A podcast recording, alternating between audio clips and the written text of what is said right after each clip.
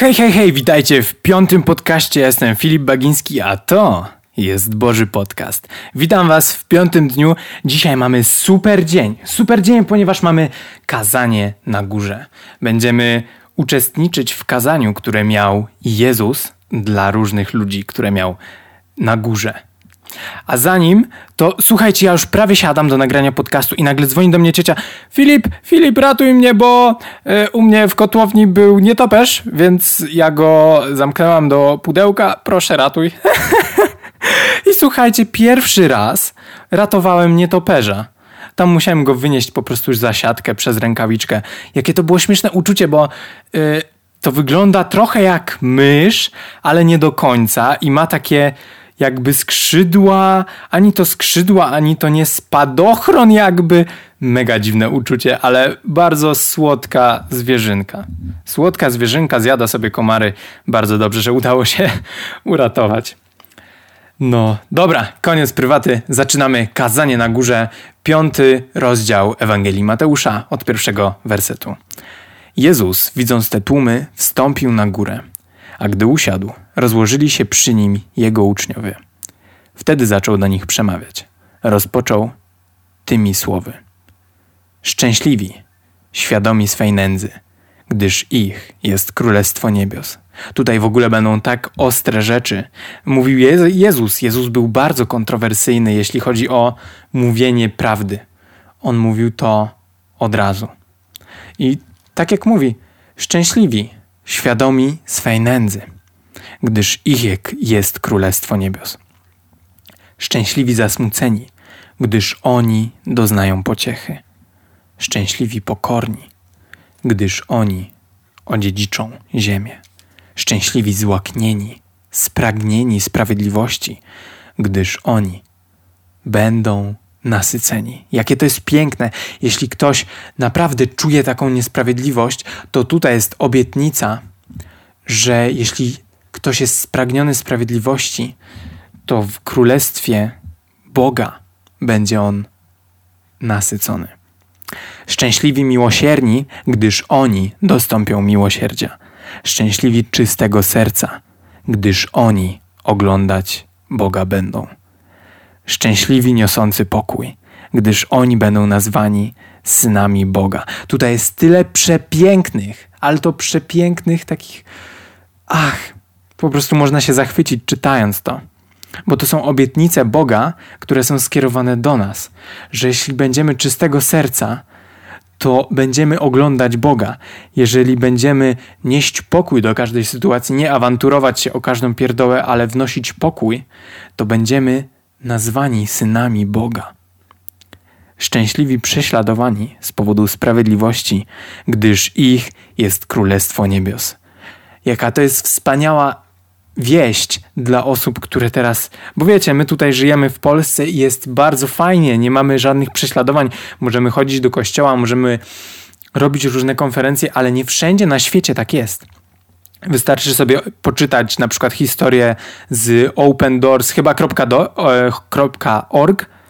Na pewno jak wpiszecie Open Doors na Facebooku, to będziecie mieć e, fajny dostęp do fajnych danych. I naprawdę nie wszędzie mamy taki pokój. I tutaj naprawdę w Polsce mamy świetną sytuację, jeśli chodzi o rozwój duchowy. Szczęśliwi prześladowani z powodu, z powodu sprawiedliwości, gdyż ich jest Królestwo Niebios. Szczęśliwi jesteście, gdy was będą znieważać, prześladować i kłamliwie zarzucać wam wszelkie zło ze względu na mnie. Tutaj mówi Jezus, że ze względu, kiedy ze względu na Jego imię nam będzie się trochę dostawać, to Bóg mówi, żebyśmy w dwunastym wersecie, żebyśmy się cieszyli. Cieszcie się, radujcie niezmiernie, bo w niebie czeka was wielka zapłata. Podobnie prześladowano proroków, którzy byli przed wami. Wy jesteście solą ziemi. Gdyby sól zwietrzała, nikt smaku by jej nie przywracał. Byłaby nieprzydatna w sam raz do wyrzucenia i podeptania przez ludzi. Wy jesteście światłem świata. Nie da się ukryć miasta, które leży na górze. Nie zapalają też lampy, by ją postawić pod garnkiem. Światło umieszcza się na świeczniku, skąd tło. O, stop! Haha, zaplątałem się. Nie zapalają się też lampy, by ją postawić pod garnkiem. Światło umieszcza się na świeczniku, skąd obecnym w domu świeci najskuteczniej. Tak niech i wasze światło świeci wobec wszystkich. Niech ludzie zobaczą wasze szlachetne czyny i wielbią waszego Ojca w niebie. Ja tak lubię nauczania Jezusa, bo one są tak obrazowe. Trudno nawet wyjaśnić to prościej i bardziej, bo Jezus nawet jak mówi jakąś zagadką wcześniej, to potem ją sam rozwiązuje. Tak jak mówił właśnie o tej soli i o, o tym, że mamy być światłem, w 16 mamy od razu odpowiedź. Tak niech i wasze światło świeci wobec wszystkich. Niech ludzie zobaczą wasze szlachetne czyny i wielbią waszego Ojca w niebie. Ludzie poprzez nas mają widzieć obraz Jezusa. Przez to, co robimy, przez to, kim jesteśmy, przez to, co mówimy, nawet przez to, co mówimy. Mamy pokazywać, jaki, jakie standardy ma Bóg. 17 werset. Nie sądźcie, że przyszedłem unieważnić prawo lub proroków. Jezus to mówi dlatego, że dużo ludzi sądziło, że właśnie Jezus przyszedł, aby unieważnić coś, co już było napisane i zrobione. A Jezus mówi: Nie przyszedłem unieważnić, ale wypełnić. Zapewniam was bowiem, dopóki trwać będzie niebo i ziemia, ważna będzie każda jota i każda kreska prawa, aż wszystko się dokona. Kto zatem rozwiąże jedno z przykazań, choćby z pozoru nieważne, i w ten sposób będzie uczył ludzi tego w Królestwie Niebios, też nazwą nieważnym. Tego natomiast, kto będzie je stosował i innych tego uczył, w Królestwie Niebios nazwą ważną osobą. Mocne słowa. Jezus mówi, że trzeba brać Biblię na poważnie. Może niekoniecznie Biblię, wtedy nie było Biblii, ale chodziło Jezusowi o, o przykazania. O, to jest w Mojżeszowej, kiedy tam są wymienione wszystkie przykazania, jakby cały ten fragment nie rozbijać na poszczególne, ale brać jako cały fragment. Dwudziesty werset. Powiem więcej. Jeśli w swej sprawiedliwości nie posuniecie się dalej niż znawcy prawa i faryzeusze, nie wejdziecie do Królestwa Niebios. Jeszcze raz, trzeba to przeczytać jeszcze raz, żeby to dobrze zrozumieć. Powiem więcej. Jeśli w swej sprawiedliwości nie posuniecie się dalej niż znawcy prawa i faryzeusze, nie wejdziecie do Królestwa Niebios.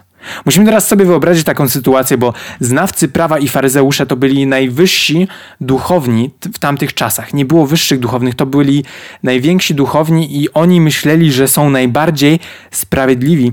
A Jezus mówi: Jeśli w swej sprawiedliwości nie posuniecie się dalej niż znawcy prawa i faryzeusze, dlatego że Jezus znał ich serca i znał ich zamiary. Ale według mnie to, co ten werset mówi, mówi o tym, abyśmy, jeżeli idziemy za Jezusem, to musimy podnosić swoje standardy dzień za dniem, tydzień za tygodniem, miesiąc za miesiącem i rok za rokiem. Dlatego, aby pokazywać te szlachetne czyny, o których czytaliśmy wcześniej w szesnastym wersecie, tak niech i wasze światło świeci wobec wszystkich. Niech ludzie zobaczą wasze szlachetne czyny i wielbią waszego Ojca w niebie. I wierzę, że w dwudziestym wersecie otrzymujemy odpowiedź na to, jak mamy to zrobić, jak mamy świecić. Powiem więcej, jeśli w swej sprawiedliwości nie posuniecie się dalej, niż znawcy prawa i faryzeusze, nie wejdziecie do Królestwa Niebios. Według mnie Bóg mówi tutaj, Jezus mówi tutaj, podnieście swoje standardy, pokażcie jak daleko możecie się posunąć w tych standardach. Sami przesuwajcie te standardy. To jest według mnie jedna z ważniejszych lekcji tego podcastu. Sami przesuwajcie tą linię, tą granicę, którą sobie wyznaczyliście, swoje standardy, aby może przebywać z Bogiem więcej, może żeby ten czas był efektywniejszy, może aby kochać swoich rodziców, swoją mamę, tatę bardziej, może y, chodzi o podniesienie standardów w rozmowach z innymi, aby nie denerwować się, aby właśnie wnosić pokój w każdą sytuację, a nie denerwować się o jakąś pierdołę albo głupoty.